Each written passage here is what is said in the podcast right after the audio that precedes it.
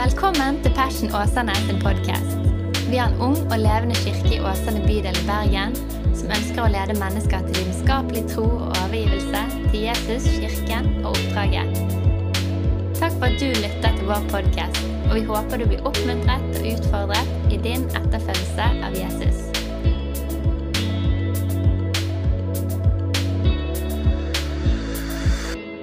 Du er så kjekt å se dere. Hæ? Fantastisk å være i Passion Åsane. Det er jo første gang jeg er her eh, i Passion, så det var frydefullt. Og det er første gang jeg har vært borti alfaopplegget, så dette kan jo ikke bli annet enn bra. tenker jeg. Veldig veldig gøy å bli invitert og dele på det med alfa. Jeg heter jo som sagt Asle Sagriassen, som dere har fått med dere. Flere av dere som er her inne, kjenner jeg og har jeg møtt før. Noen har jeg ikke møtt før. Så eh, jeg er da pastor til vanlig i, ute på Betel på Frekkhaug. Bygdepastor, og veldig stolt av det. Jeg er veldig fornøyd med å være bygdepastor. Syns det er stor stas. Eh, blir litt misunnelig når jeg ser lovsangstime her. Tenker Daniel, her må vi snakke litt sammen. Dette vil jeg ha tak i ut på Frekkhaug. Eh, utrolig herlig å være sammen med dere og være i tilbedelse her i dag. Jeg er litt sånn hobbybonde i tillegg til å være pastor. Jeg liker være, jeg går all in for være hyrde. Så når vi først skal være med på noe, så går all in for det. Så jeg har noen sauer. De har fått uh, lam nå. Det er jo bare velstand. Det er ikke så lenge lammene skal være hos oss, men det blir til veldig god mat av det som skjer etter hvert. Jeg bare sier det ikke så høyt til ungene mine uh, hvem det er vi spiser når det kommer på bordet, men det er herlig. I tillegg så har vi fått kaninunger nå i påsken. De skal vi ikke spise, men de er veldig koselige. og Topp stemning, så det er veldig kjekt. Og så har jeg òg nå en periode jobbet i Pinsekirken Tabernakle. Der har jeg en 40 stilling nå, for hver dag som jeg kaller sjøl for å være trivselspastor. Det var noen som introduserte meg for De har jo møte klokken 12 og møte klokken 19. Og da til de unge voksne som møttes G19, så sa han her er Asle. Han skal jobbe litt i kirken nå, og han skal skape god stemning. Perfekt. Kan du ha en bedre jobbeskrivelse enn det, tenkte jeg. Så det lever jeg veldig godt med. Ok, Sånn er det. Det er sånn omtrent jeg er gift med Linn, som jeg er veldig fornøyd med. Syns jeg har gjort det skarpt der. Og sammen har vi da fått tre barn. Aron, Oda og Ronja. De skulle egentlig vært her i dag, men Ronja hun hosta som en galning når hun sto opp i dag, så da ble det kun meg. Men neste gang så håper jeg på om jeg kan komme hele gjengen. Yes, Var det en grei introduksjon? Er det noen spørsmål noen oppklaringer det trenger å ha? Nei vel, greit. Da går vi og hopper videre. Veldig kjekt. I dag så skal jeg snakke til deg om kampen mot det onde. Jeg har fått et kapittel fra alfakurset. Der, er dette som er tematikken. Og når jeg skal snakke litt om det der, så har jeg lyst til å begynne med følgende spørsmål. Er mennesket godt på bunn? Er det sånn med oss mennesker at når alt kommer til alt, hvis du koker vekk alle mulige greier og stæsj og opplegg, så er vi gode på bunn? Ja, det kan vi tenke litt på nå, og kanskje komme opp med litt forskjellige spørsmål intuitivt når vi tenker det. Jeg har jo dette kapittelet i alfaboken som heter 'Hvorleis', eller 'Hvordan kan jeg stå imot det eller den onde'? Jeg vet ikke hvordan du reflekterer over den tematikken om dette å stå imot det onde. Men jeg vil si at det er en veldig aktuell problemstilling i vår tid. Jeg har vel et inntrykk av at samfunnet vårt og den samtida som vi lever i, har en sånn på en eller annen måte overdreven tro på det gode i oss som mennesker. Hvis bare alle våre begjær, impulser, tanker og følelser får fritt utløp, uten at vi liksom begrenser eller har en form for absolutt moral, så vil det gå veldig bra. Hvis vi bare liksom ikke legger noe greier på, så uh, blomstrer det opp, og det blir glede og gøy, fred og fordragelighet. Tok du den, Daniel? Glede og gøy, fred og fordragelighet. Herman. Den var for deg. Det, det kommer ingen flere, men den var for deg. Så da blir jo tanken la oss rydde ut alt av dette som lukter som absolutt moral. La oss rydde ut all form for liksom religiøsitet, eller hva enn begrepet jeg vil ta på det. Og da blir det veldig bra. Vi får naturlig bare flyte ut. Naturalisme kaller en gjerne syne for. La det bare flyte, så går det bra. Men Bibelen forteller en ganske annen historie enn at la det bare flyte, så går det bra. Bibelen tegner egentlig et bilde til oss som kanskje ikke stemmer overens i veldig stor grad med dette i det hele tatt helt fra skapelsesberetningen, eh, så kan vi egentlig få se en sånn nedadgående spiral.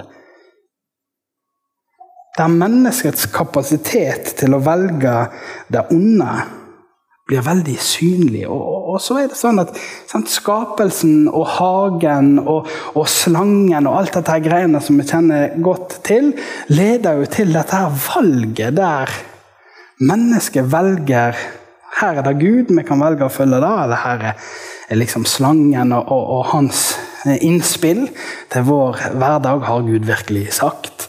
Og så velger vi det onde. Og så skjer det et fall, og syndefall er en realitet. og Det går ganske dårlig, de begynner å gjemme seg for Gud, skammer seg for at de er nakne, bla, bla, bla. Og historien fortsetter. Og så skjer det, og ondskapen blir veldig stor i verden på det tidspunktet. Det, eh, det er en nedadgående spiral, og vi kommer til Noah. på en måte. Og Noah, Hva er det som skjer med Noah og flommen? Jo, det er at Ondskapen er blitt så stor at Gud sier her må vi gjøre noe, for ellers går dette utrolig dårlig. Så han rensker opp i greiene. Han luker ugraset, for å si det på den måten. Flommen kommer, en voldsom historie. Og så starter han på nytt med Noah. Og Det første Noah gjør, det er å drikke seg fullstendig totalt kahunkas på vingården sin. Og det blir dårlig stemning der òg. Og så går det igjen nedadgående, og du har Babels tårn. Og menneskeheten virker som at den i seg sjøl iboende har en sånn uendelig og uslokkelig lyst til å sjøl bli Gud. Babels tårn, ja, hva er det da? Jo, det er jo at vi skal bygge dette tårnet som går like inn i himmelen. Vi skal kuppe Gud sjøl fordi at vi bør være Gud. Skaperen, nei, det skapte ønsker å bli skaperen. Eh, og det er en dårlig plan, viser det seg. da. Og det er på en måte basically, for å si det litt enkelt, det er jo Det gamle testamentet. Hele Det gamle testamentet tegner opp dette sterke bildet av oss, at menneskets natur er fallen. Og Det fins ikke en bud, en regel, en tradisjon, en prosedyre, en religiøs skikk som er i stand til å løse dette problemet. Alle offer, alle lam som blir ofra, alle dyr, alle fugler, alle okser, alt som skjer, kommer til kort for å redde menneskets tilstand. Hva er problemet? Mennesket trenger et nytt hjerte. Ok. Introduksjon. Slutt. Kampen mot det onde. Jeg så en gang en TED-talk. Det ser jeg av og til på. Jeg vet ikke om du har sett et sånt TED Talk-konsept. Det er jo litt artig. Det er smarte folk som får veldig kort tid til å si noe lurt. Eh, og det kan være ganske interessant. Det er faktisk veldig mange som har godt av å få beskjed om å være litt kort. Det minner meg om at kanskje bør jeg starte klokka for å ha litt kontroll på dette. Det kan ikke gå helt over styr. Sånn er det. Eh, og, og, I denne TED-talken så er det han her verdenskjente evangelisten Billy Graham som skal tale. Eh, og, og, Det kjenner kanskje mange til han. For de som ikke kjenner til han, så er han jo en amerikansk eh, evangelist egentlig, som har hatt en utrolig innflytelsesrik tjeneste. Der han har besøkt både presidenter og alt mellom himmel og jord. Og, egentlig hatt en veldig sånn flott tjeneste. Det fins masse bøker du kan finne av han, og sønnen fortsetter å preike på, og det er alt mulig greier. I alle fulle fall så er han Billy Graham, som, som er en evangelist, det der han er, ordentlig gammel skoleevangelist, er invitert til en vitenskapskonferanse. Av alle mulige ting. Og der skal han ha et innlegg på denne vitenskapskonferansen. Eh, og, og Da fanga min oppmerksomhet når jeg så at han var der. Så tenkte jeg hva i all verden skal han være på den vitenskapskonferansen? Det er interessant. Jeg vil se dette. Eh, og han er jo for religionsfeltet og vitenskapsfeltet i utgangspunktet var det ikke bare jeg som lurte på hvorfor han var der. Mange av de som hørte på, var jo òg litt sånn Billy Graham? Han er jo en kul type, liksom. Men, men, men, hvorfor er han her? Hva er liksom greia, da? Og da å se denne talen, den fins tilgjengelig eh, på eh, nett forskjellige plasser, men, men var en utrolig sånn flott opplevelse av hvordan han brukte virkelig sin gave til å kontekstualisere budskapet til den gruppa han var i. Og jeg tenkte virkelig her er det jo jøde for jøde og greker for greker. Eh, inspirerende i seg sjøl å si, men hovedpoenget hans hadde jeg lyst til å ta med, som passer veldig godt inn i dagens budskap. Vitenskapen og er hans poeng når han går på scenen. Og vitenskapen er jo helt fantastisk. Eh, der kan jeg si ja, men til jeg er veldig glad i vitenskapen. Litt for glad i alt mulig teknologiske duppeditter. Klokker på armen og alt mulig greier. Syns det er kjempegøy. Jeg elsker at jeg kan ta opp telefonen min, og så kan jeg finne nesten hele verdens informasjonsbibliotek der og da. Hvis det er et eller annet bibelvers jeg ikke husker helt hvor var, men jeg har sånn cirka en peiling på hvor det er, så tar det meg ti sekunder søker søke det opp og virker veldig smart for deg. Ja, dette står jo skrevet altså, Det er fantastisk med den informasjonstilgjengeligheten eh, som vi har. Jeg kan få høre taler fra alle mulige forskjellige mennesker. Jeg trenger ikke engang være Jeg vil kun høre på Daniel Sebjørnsen. Ja, selv om han er fantastisk å høre på. Jeg kan høre på alt mulig forskjellige folk. Fra forskjellige konfesjoner. Jeg kan få utfordra eh, min egen liksom, tankegang til å kun tenke i de retninger som jeg ønsker å gjøre. Og så kan jeg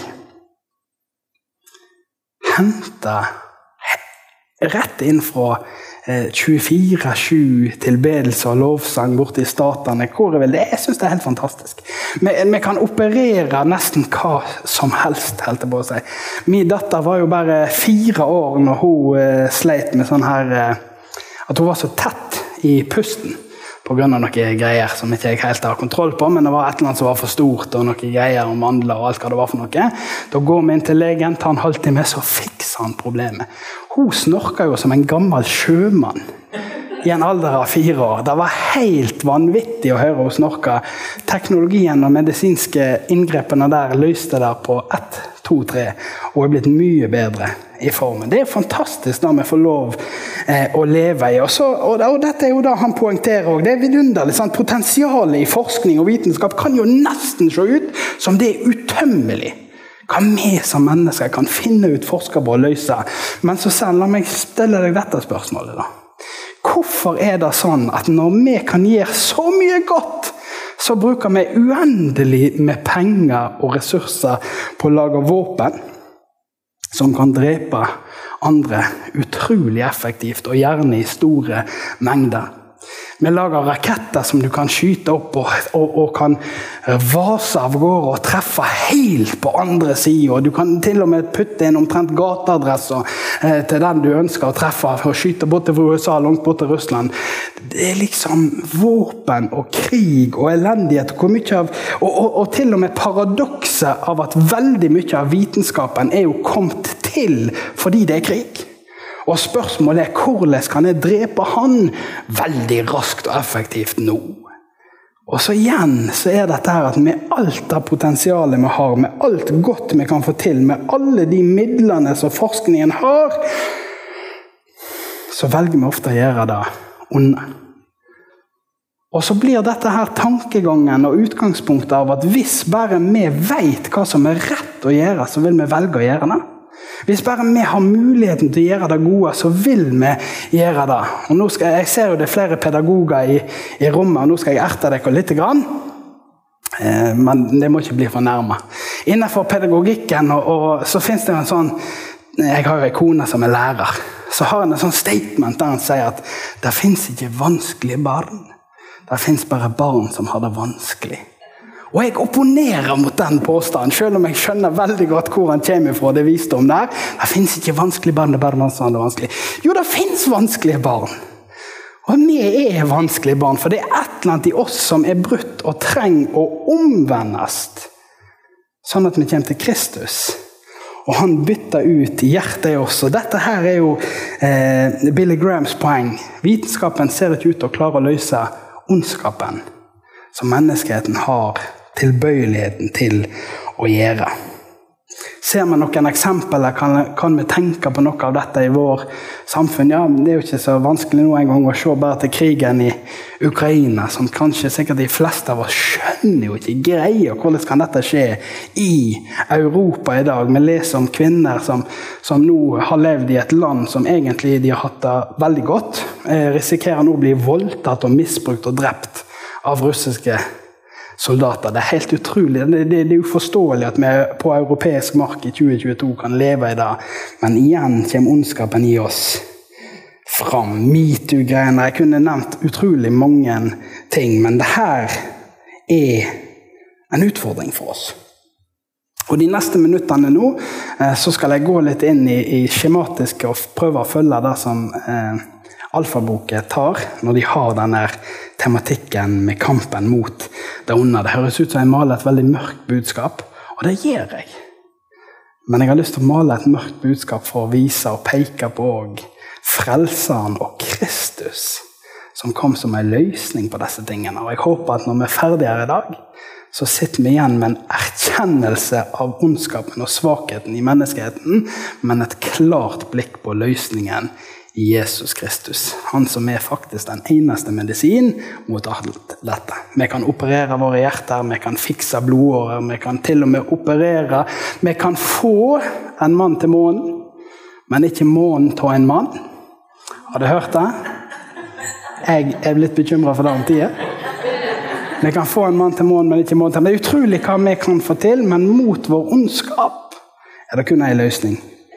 Og det er Jesus Kristus som kan bytte og gi oss et nytt hjerte. Ja vel. Ok, var det greit? Heng det med meg? Veldig bra. Det var jo nesten eh, som være på bedehuset. Jeg er jo på et bedehus, så det var jo herlig. Eh, synden er klart forklart. Amen. Halleluja. Så spørsmålet fins djevelen, da? Det er jo eh, er det Nikki han heter? Nikki Gamble, eh, som har skrevet boka. Fins djevelen? Det er jo basically første eh, spørsmål hans. Og om han fins, hvorfor betyr det noe for meg? Jo, djevelen er beskrevet i Bibelen. Djevelen, han blir vi introdusert for allerede i skapelsesberetningen som slangen eh, i hagen. Eh, og Generelt sett så er jo konklusjonen at vi vet på en måte litt lite om opphavet til djevelen. Hvem han er, hvor kommer han ifra. Det hintes til at han er en fallen engel. Eh, men, men, det er i hvert fall noe som litt støtt ned til jorda, opererer blant oss, og som har en slags motstand mot Guds rike og de tingene som han har. Eh, djevelen er jo Satan på hebraisk, som, eh, som da betyr anklageren. Eh, og, og, brukes jo gjerne som, som, dette her at han vil jo framfor Gud anklage meg og deg. Og, og, han vil være veldig interessert i å skrive ned alle ting, for å si det på den måten. litt enkelt sagt. Han vil være veldig opptatt av å skrive ned og minne deg om absolutt alt du gjør galt. Det er, hans, det er hans favorittmat å holde på med. Minner deg om hvor forferdelig du er, hvor masse dumt du har gjort, og hvordan Gud aldri kan virkelig elske deg. Så sånn er med den saken. Men Bibelen har en løsning på den saken. Og eh, Faktisk er det sånn at Det gamle testamentet snakker mindre om djevelen enn Det nye testamentet. Eh, han, nei, Jesus han nevner djevelen litt eh, eh, hyppigere. Eh, og han kommer med et par spenstige påstander. Blant annet, jeg skal ikke gå inn i alt eh, teksten for tidas skyld, men i Johannesevangeliet, f.eks. i kapittel 8, så kan du lese den spenstige påstanden som jødene får høre, eh, jødiske ledere. Det har djevelen til far var litt heftig påstand eh, å få, så han, han legger ikke fingrene i mølla av og til. Ehm, eh, eh, djevelen er løgnens far, sier han òg i Johannes 8. Og han gjør det veldig klart hva som er djevelens på en måte oppdrag i Johannes 10.10. Der står det at disse ordene som vi ofte har hørt, at djevelen er kommet for å stjele, myrde og ødelegge. Det er liksom summen av djevelens tjeneste iblant oss. Han vil, han vil stjele, han vil myrde, og han vil ødelegge. Og hvordan jobber djevelen? Jo, da tror jeg at vi må virkelig forstå eh, eh, Nei, jo, hvordan jobber vi? Kan ta det først. Hvordan jobber djevelen? Da tror jeg at dette ordet som eh, Jesus har i Johannes 8, med at djevelen han er en løgner, er veldig sentralt. Eh, det er virkelig noe vi må forstå, og det har litt sammenheng med neste punkt hos Gumbel, som handler om hva makt har djevelen over oss. Eh, og Jeg har lyst derfor å slå de sammen. Sant? Hva makt har egentlig djevelen over oss, og hvordan jobber han? Djevelen han eh, er jo beseiret. Det er jo det som på en måte er en del av evangeliet, at Jesus kommer ned, eh, og så knuser han djevelens makt. Eh, Apostlenes gjerninger 10.38 har jo bl.a. En, en sånn beskrivelse av hvordan Jesus gikk rundt og gjorde godt og helbreda alle som var underkua av djevelen. Så når Jesus gikk rundt her på jorda, så fiksa han noen greier som djevelen, som Bibelen nå kaller for denne verdens gud, hadde på en måte lagt eh, til hinder for oss. Død Ja, det det er ikke alle som er fornøyd med når det blir så mye fokus på djevelen. Det kan jeg godt forstå. Men av og til så må vi adressere den saken. Sånn er det, med den. det er kanskje litt motstand. sånn er det. Død, hvor er din seier? Har du hørt det? Død, hvor er din brodd? Det er første Korinterbrev kapittel 15. Død, hvor er din seier? Død, hvor er din brodd? Det er jo et sånt retorisk spørsmål som poengterer den seieren som Jesus vant gjennom hans død og oppstandelse på korset. Når Jesus er stått opp igjen fra de døde, så sier han meg er gitt all makt i himmel og på jord. Gå derfor ut. Meg er gitt all makt i himmel og på jord. Gå derfor ut. Da vil en del poengtere at når djevelen frister Jesus i ørkenen. Vi er i Lukas 4, og jeg skal faktisk slå opp den saken for å lese et bibel. Kanskje det roer ned gemyttene på utsida. Vi må ha litt ord eh, til sakene. Og Hvis vi hadde gått til Lukas kapittel 4, og så leser vi fra begynnelsen av der Her vil jeg poengtere noe til deg. Så hør. Fulgt av Den hellige ånd vendte Jesus tilbake fra Jordan. Drevet av ånden ble han ført omkring i jødemarken i 40 dager, og han ble fristet av djevelen. Han spiste ingenting de dagene, og da de dagene var gått, var han sulten. Da sa djevelen til han, Er du Guds sønn? Så sier til denne steinen at han skal bli brød. Men Jesus svarte, det står skrevet, mennesket lever ikke av brød alene. Så førte djevelen han høyt opp og viste han på et øyeblikk alle verdens riker og sa til han, Jeg vil gi deg all denne makt og herlighet. For makten er gitt i min hånd, og jeg gir den til den jeg vil. Om du bare faller ned og tilber meg, så skal alt være ditt. Men Jesus svarte han, det står skrevet, Herren din Gud skal du tilbe, og Han alene skal du tjene. Så tok djevelen han med til Jerusalem, stilte han ytterst på tempelmuren og sa, Er du Guds sønn? Så kast deg ned derfra, ned herfra. For det står skrevet, sier djevelen. Han skal gi englene sine befaling om å bevare deg, og de skal bære deg på hendene så du ikke støter foten mot noen stein. Men Jesus svarte han det eh, sagt, du skal ikke sette Herren Gud på prøve. Da djevelen var ferdig med å friste ham på alle måter, holdt han seg borte fra han for en tid. Jeg tror du og jeg kan lære noe her. Eh, jeg tror det er helt sant, og nå er det jo en djevelfokusdag her i Passion. Eh, jeg tror det er helt sant at vi skal bruke minimalt med tid med å fokusere på djevelen. En av de pastorene som jeg har lytta litt undervisning for, heter Bill Johnson. Eh, og Han sier det der. Jeg ser på djevelen akkurat lenge nok til å sikte og skyte. Det tenker jeg er en sånn greie som jeg òg har for mitt liv. Hvis jeg må se på noe han holder på med, så er det kun fordi jeg skal skyte et gudsord i den retningen, be for noen som underkuer, eller hva det er. Men det betyr ikke at vi trenger å være uvitende om hvordan han virker. Jeg tror, og Min påstand til dere i Passion her denne søndagen er at det fins to grøfter. Det er mulig Nikki Gumbel kommenterer det der òg. Men det fins to grøfter når det kommer til dette her med fokus på djevelen. Du kan enten være så overfokusert at du tenker alt er djevelen. Hver minste krangel med kona eller ektemann er det var djevelen som gjorde den saken. Eller hver eneste gang du snubler i en stein eller bilen bryter sammen Nei, det var djevelen. Du ikke har nok penger å betale. Var djevelen gjør. Du kan ha sånn overfokus på djevelen, der han blir veldig stor, og du blir kanskje redd og syns det er skummelt. og whatever hva det måtte være. Men den andre grøfta, som kanskje er mer relevant for oss i vårt samfunn og vår tid, det er det underfokuset der djevelen altså basically en sånn gammeldags fortelling fra en litt gammel bok. og Det er jo ikke relevant i dag. Vi er jo kommet lenger enn å tro at det fins liksom noen sånne små demoner som kvisker ørene våre. Det tror jeg òg er ei felle.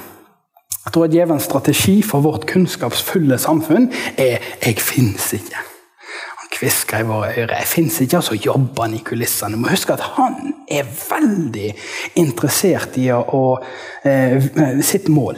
Og hans mål er å holde oss lengst mulig vekke fra Gud og gjøre oss i størst mulig grad til kraftløse, deprimerte, motløse og triste kristne. Sånn at du blir en stor reklameplakat i hverdagen for at hvis du vil være lei deg, trist og deprimert, så skal du følge Jesus. Det er han veldig interessert i. og Han bryr seg ikke om du går på kirken hver søndag. vet du. Så lenge du er deprimert, trygt nede, undertrykt og har det fælt. Da må du gjerne gå. Og du må gjerne evangelisere hvis du har det grusomt og syns at Jesus er forferdelig. Kjempefint, han liker det. Han er Av og til kan vi tenke at djevelen er opptatt av å få sånne galninger som hopper spredt rundt i skogen og slakter kyllinger og kalkuner og, og holder på med all slags voldsomme ritual som en av og til ler om, leser om. Eh, det jo, men det, det, det, er ikke sant i det hele tatt. Han er mye mer slu, mye mer strategisk enn som så. Så han prøver, når han tenker på passion Han er jo livredd for passion. Men husk å sitte her og tilbe Gud på den måten og løfte opp Jesu navn og, og ha tro på en Gud som kan gripe inn i vår hverdag. Livsfarlig! Det er jo verst at djevelen vet det. Kom her og prise Herren. Han vil jo prøve å få livet. Hvor kan jeg så splid mellom disse folkene? Kan jeg få de til å irritere seg på hverandre? Kan jeg, kan jeg, liksom klare på en eller annen måte å få de til å bli mer fokusert på hvor irriterende den andre personen er, enn hvor fantastisk Jesus er? Så begynner vi å snakke. La oss kaste inn litt sånn sterke politiske saker, eksempel, eller skal vi Whatever hva det er. Men husk at djevelen er slu. Han er ekspert på dette. Han har holdt på i tusenvis av år og prøver å så splid og elendighet blant de kristne. Av og til så lykkes han. Så la oss lære å kjenne djevelen på, på gangen på sånne type ting. Og gå i oss sjøl, og heller, som, som Paulus glimrende sier til, i noen av sine brev, dette er at hvorfor tåler det ikke heller urett, liksom? Det drar hverandre for domstolen, og det, blir jo et skammelig vitnesbyrd i verden. Fins det ikke en fornuftig person iblant forsamlingen som kan dømme imellom brødre, liksom? Må det gå til en som ikke tror med deres greier? Og, da er jo hans spørsmål hvorfor lir du heller ikke bare urett, da? Hvorfor bare kaster du ikke bare den saken på Gud og ber om at han skal ordne opp? Og der tror jeg vi er inne på noe som djevelen virkelig, i vår kontekst, er veldig interessert i å gjøre, kan vi så splid blant folket. Han er irriterende, han forkynner det. Han bruker litt feil ord der framme. Han skulle jo vært litt mer sånn og sånn. Hatt litt mer sånn og sånn. Og så, og så går vi oss vill, kan vi risikere, i de tingene. Men sannheten er Og djevelen elsker sånne, det vil jeg òg ta med. Djevelen elsker sånne spørsmål som vi har lest. Har Gud virkelig sagt? Det er jo skapelsesberetningen òg, hvis vi hadde bladd opp eh, der og da kan vi jo for så vidt eh, Jeg har lyst til å lese en statement derifra. Slangen var listigere enn alle ville dyr som er hadde laget. De sa til kvinnen Har Gud virkelig sagt at de ikke kan spise av noe tre i hagen? Hører du det spørsmålet der? Det er sånn du. Har Gud virkelig sagt at du ikke kan spise av noe tre i hagen? Hag... Jeg vet ikke om du kjenner igjen sånne spørsmål i eget liv. Har Gud virkelig sagt du ikke kan ha det noe gøy på fredag? Har Gud virkelig sagt det ikke er lov å se på noe gøy på TV?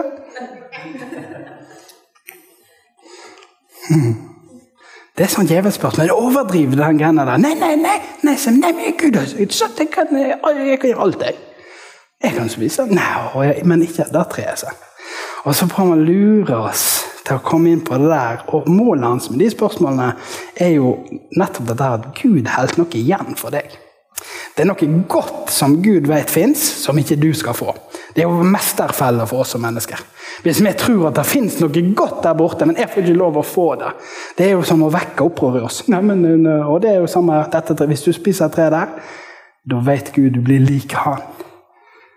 Da lærer du å skille mellom godt og vondt på samme måte som han. Og det Gud holdt tilbake. Sånn jobber djevelen. Så la oss kjenne igjen de spørsmålene i våre liv. Det står skrevet Han er ikke til og med redd for å bruke Bibelen hvis han poengterer sin vilje der. Det står jo faktisk skrevet. Jeg vet ikke om det har vært noe i sånne sammenhenger der vi kaster bibelvers på hverandre. Eh, og så er det full strid og, og splittelse og hat mellom gruppene, men vi kaster Bibelen på hverandre. Det er sånn, Djevelen elsker sånn bibelkasting. Så det er helt konge, helt suverent, for da tar vi fokuset vekk fra hvor fantastisk Jesus er. Kan jeg fortelle en annen løgn som blir sagt i samfunnet? Tåler denne? Størst av alt er kjærligheten. Størst av alt er kjærligheten. Har du hørt den statementen der? Skal liksom ikke kvinnen ha rett til å bestemme over sin egen kropp? Har Gud virkelig sagt at de skal ikke få bestemme over sin egen kropp? Nei, det har ikke han sagt. Det er ikke sikkert de kan bestemme over alle sin kropp som er på besøk. Du skal ikke være, Hvis du skal være ordentlig kristen, det går ikke an å tenke sånn som du tenkte nå. Ok, jeg skal ikke fortsette altfor mye med dette. Men det fins sånne løgner. Jeg tror at vi har fordel av å være litt våken på djevelens ekspertise på å prøve å fortelle oss at Gud vil ta vekk glede og ting som vi faktisk trenger. At, at, på en måte da være en kristen er å, å, å, å bli frastjålet greier. Men det er sannheten at det er djevelen som stjeler. Det er djevelen som er kommet for å stjele, myrde og ødelegge. Så hvis Gud har noen regler, normer og greier som vi ikke skal stå over, noen streker, så er det ikke for å hindre oss i å oppleve en større grad av frihet. Det er for å beskytte oss. For å leve i den friheten som han har tenkt for oss. Ok. Jeg tror jeg sier amen på den saken. Og djevelen, som jeg var inne på, er jo beseira av Jesus. Makten er brutt. Eh, men selv om djevelen er slått så er det på en måte, og, og her bruker jo Gamble dette her eh, bildet med, med krigen og andre verdenskrig med liksom D-dagen, der basically krigen er vunnet, men fremdeles går det en lang tid eh, før seiersdagen eh, blir erklært. Så, så, det skjer krig, selv om vi alle vet hvor det skal gå. Eh, på en måte er jeg enig i det bildet, på en annen måte er jeg ikke enig med det bildet, men det som jeg tenker er veldig bra med det der, er jo at vi erfarer jo og opplever at ondskapen i verden fremdeles virker. En av mine sånne historier som jeg har blitt veldig glad i, på det der, er jo når ateisten skal utfordre evangelisten Reinar Bunke. Eh, og Der han har påstanden der han vil si dette er at eh, nå skal jeg fortelle deg at Jesu blod er uten virkning. Og det skal jeg bevise for deg i løpet av disse minuttene vi snakker sammen. Jeg tror det var på en TV-debatt til og med. Eh, og, Bill, og Reinar Bunke han likte jo en god kamp om Jesu blod, for det var han veldig opptatt av. Så han var med på leken. Og Da sier ateisten nå skal bevise seg at Jesu blod ikke virker, fordi i 2000 år har Jesu blod vært tilgjengelig på denne jorda, men hvor mye krig, elendighet, sult det, det, det, det finnes der fremdeles. Hadde Jesu blod virka, så burde jo 10, 2000 eh, år vært nok tid til å faktisk forandre denne verden. Blodet er uten effekt. Reinhard Bunke sitt svar, som jeg synes er helt glimrende, er vet du hva, skal jeg fortelle deg noe? Det går an å jobbe på verdens beste, mest luksuriøse såpebutikk, men du blir ikke automatisk rein av den grunn. Du kan være rundt såpa hele dagen, dag ut dag inn, åtte timer hver eneste dag. Du kan jobbe helgearbeid, og du springer rundt såpa, men hvis ikke du bruker den, så blir du ikke rein. Blodet må anvendes for at det skal virke. Og så er det noe med det. At Hvis vi anvender blodet og tar tak i de tingene og den seieren som Jesus har gjort, hvis vi står på det, så kan vi evne å stå djevelen imot. Jeg roter meg jo stadig litt vekk når jeg er forkynner. Det er sånn jeg er. Jeg er ikke så flink å følge manus alltid. Men eh, siste poenget som jeg vil ta med eh, i denne her eh, eh, oppsummeringen fra Gumbel, det er jo dette med hvordan skal vi da angripe djevelen. Hvordan skal vi, når vi er i angrep mot det djevelen gjør? Jo, da vil jeg for det første poengtere at det ikke er du og jeg som skal vinne seieren. Eh, den er allerede vunnet. Eh, Kristus som står for seieren, så du skal ikke klare i din egen kløktighet, makt og smarthet å vinne over djevelen. Eh, så er det òg ting som, som innenfor denne sfæren som vi ikke er gitt det er ikke du og jeg som skal straffe djevelen. Det er ikke du og jeg som skal ta djevelen. Sånn, du trenger ikke bruke veldig mye tid i bønnelivet ditt på å be om at djevelen skal få bank og juling og alt som en kanskje har lyst til å gjøre. Gud er dommer over den saken. Han kommer til å ordne opp i det der. Men når vi møter på djevelens gjerninger i vår verden, der vi lever i våre omgivelser, så har Kristus gitt oss autoriteten til å ødelegge djevelens festningsverk.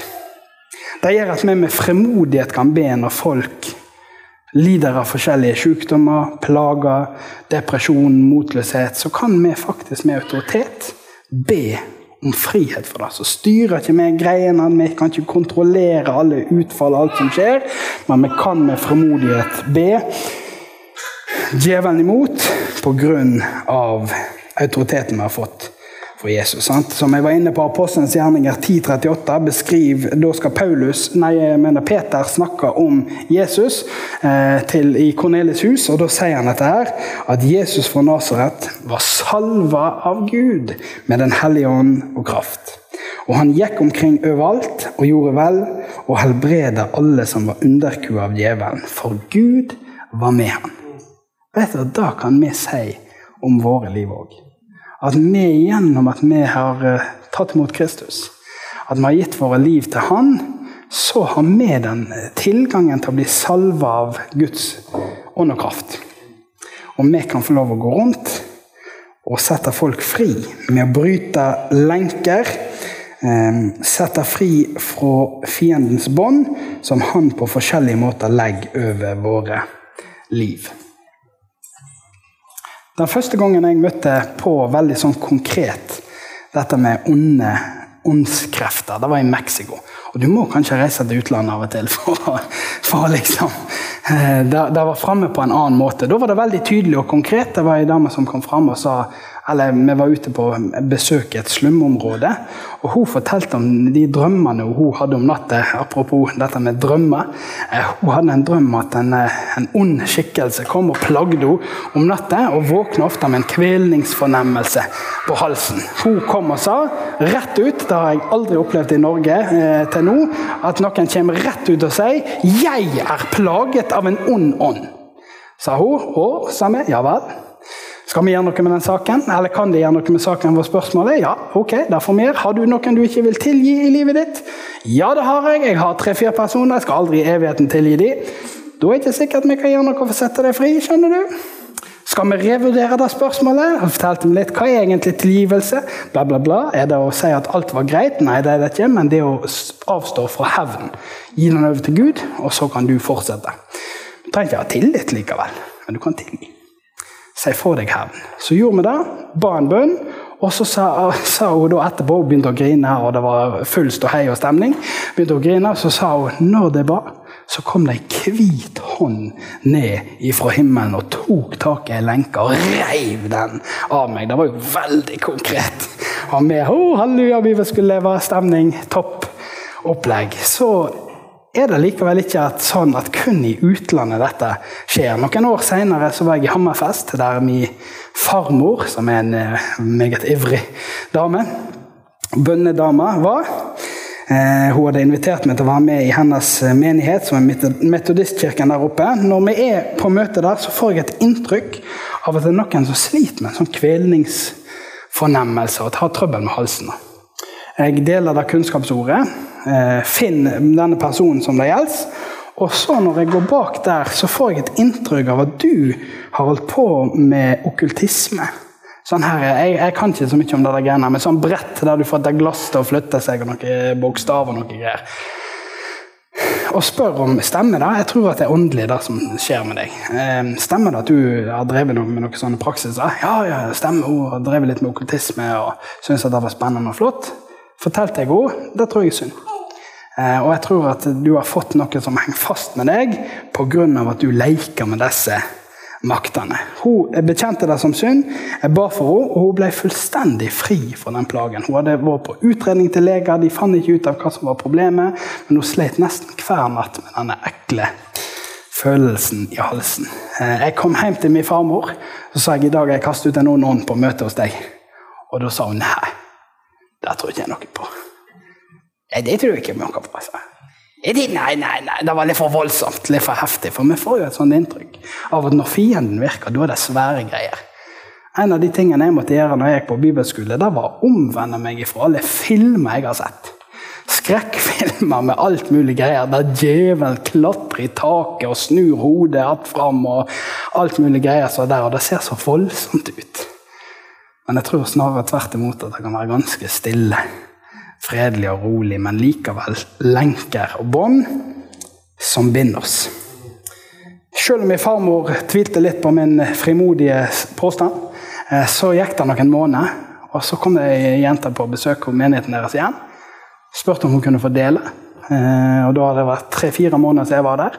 Gikk hun fram, delte hun. Vet du hva? Når jeg var her på møte så ble jeg befridd fra en ond ånd. Så fortalte hun den historien. Og etter den eh, forbundsgreiene der har du aldri kjent det problemet igjen. Det er fantastisk. Men den kraften har med alle som sitter i rommet her. Hvis mennesker er villige til å be om tilgivelse og bekjenne som synd de tingene de er inne i, så har vi en enorm frimodighet og kraft til å sette fri. Du skal kjenne sannheten, og sannheten skal sette deg fri. Ja vel. Oppsummeringen av dagens budskap er at på mange måter tror jeg at Paulus sitt ord gi ikke djevelen rom er kanskje det som oppsummerer hva det handler om når vi snakker om fienden. Det er ikke at vi skal ha et veldig stort fokus på han, eller liksom være veldig opptatt av hva holder han på med nå, hva er det han gjør med bindmørkets makt hele tida. Det trenger du egentlig ikke gjøre, men du trenger ikke gi han rom.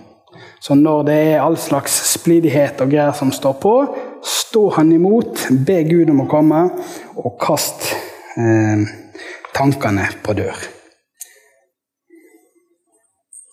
Vårt største forsvar, og egentlig eneste forsvar, er at vi er ikledd Kristus. Så hvis du kan gå ut herifra med den opplevelsen og tanken om at hvis det er snakk om de her onde tingene, så er jeg ikledd Kristus. Jeg får lov pga. hans gjerning på korset, pga. det han har gjort, så får jeg lov til å være ikledd noe som beskytter meg, bevarer meg og gjør at jeg er motstandsdyktig mot dette. Så hvis løgn blir avslørt, bare gå for det. Og kle deg i Kristus. Det er han som er håpet vårt for alle disse tingene. Ok? Kan ikke vi be sammen? avslutningsvis. Og så skal jeg si amen og sette meg ned. Takk, Jesus, for at uh, det er du som er vårt håp. Det er du som er vår seier i møte med alle disse tingene. Og jeg ber nå om at det jeg har delt i dag, ikke skal lede på noen som helst måte til en større frykt eller, eller til eh, et større fokus på fienden enn det som er nødvendig, men at det skal være en visdom for hver enkelt i møte med ting. La oss ikke bli lurt av fienden. La oss ikke gå med på disse spørsmålene og, og, tingene som han kan kaste imot oss, men la oss kjenne sannheten. La oss bli fri av sannheten. Og så ber jeg om at vi som menighet skal få lov å spre denne friheten til andre, Herre. La folk som kommer i kontakt med oss, få smake og kjenne den friheten som fins i ditt evangelium. Takk at vi får lov å være ikledd Kristus. Takk at vi akkurat som vi gjorde i lovsangen, får lov å, å bekjenne ditt navn som navnet som frelser. Som navnet som setter oss fri, som navnet som istandsetter oss til å leve det kristne livet i hverdagen. Vi ærer deg, vi priser deg, og vi lover deg, Herre. Ja, i Jesu navn. Takk for at du lyttet til vår podkast. Hvis du synes det var bra, så del den gjerne med noen flere. Vil du vite mer om hvem vi er, hva som skjer, og kanskje besøke en av våre gudstjenester, se vår nye hjemmeside på fashionåsane.no, eller følg oss på sosiale medier. Helt til slutt, ta imot Herrens velsignelse. Herren velsigne deg og bevare deg. Herren la sitt ansikt lyse over deg og være deg nådig. Herren løfter sitt åsyn på deg og gi deg